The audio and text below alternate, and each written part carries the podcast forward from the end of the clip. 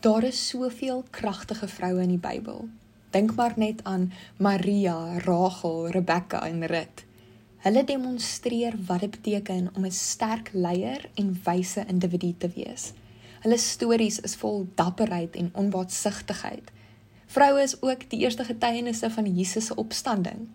Hy het van sy belangrikste boodskappe aan die mensdom direk vir 'n vrou gegee, soos toe hy vir die Samaritaanse vrou vertel het van die lewende water wat vir altyd mense dors sal les. Jesus het opgestaan vir vroueregte. Hy het gekeer dat die dorsmense die vrou stenig wat haar man verneek het.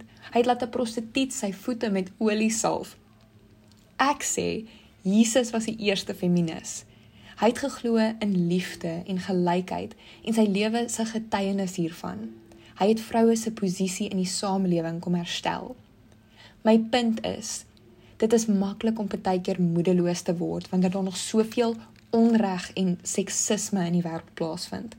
Maar God weet hoe revolusionêr 'n vrou se innerlike krag is, want hy het dit vir haar gegee.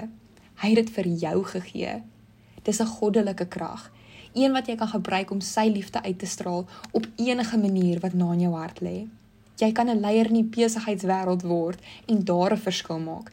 Jy kan skryf en ander mense so inspireer. Jou naaste mense by die skool kan jy ondersteun, in die werk of by die universiteit waar jy is. Eendag kan jy dalk 'n familie grootmaak of jy kan die president word. Wat ook al jy wil doen, daar kan jy 'n verskil maak.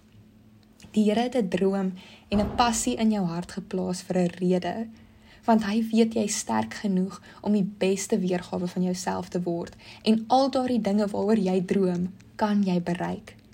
Maar hy weet ook dat jy nie net 'n sukses gaan wees nie. Jy kan 'n invloed hê op soveel mense se lewens in die proses. Jy kan mense nader aan hom bring en al hierdie dinge is moontlik want hy het vir jou onmenslike krag gegee. En ek sê onmenslik want ek wil weer eens beklemtoon dat jou krag van hom afkom van bo afkom. Psalm 31 vers 16 tot 18 sê sy oorweeg die waarde van 'n stuk grond en koop dit. Sy sit dit onder wingerd met geld wat sy self verdien het. Sy pak die werk aan met krag. Haar hande staan vir niks verkeerd nie. Sy stel vas of die wins goed is, haar lamp bly heelnag brand. Wow. Is hierdie nie net 'n ongelooflike vers nie? Iets wat mens dalk selfs nie eers dink in die Bybel sal wees nie, maar dit is. Vir my sê hierdie duidelik dat 'n vrou kan enigiets doen wat 'n man doen. Sy is tot enigiets in staat. Haar hande staan vir niks verkeerd nie en jy is hierdie vrou wat die Bybel van praat. Jy het goddelike krag binne jou. Moet dit nooit vergeet nie.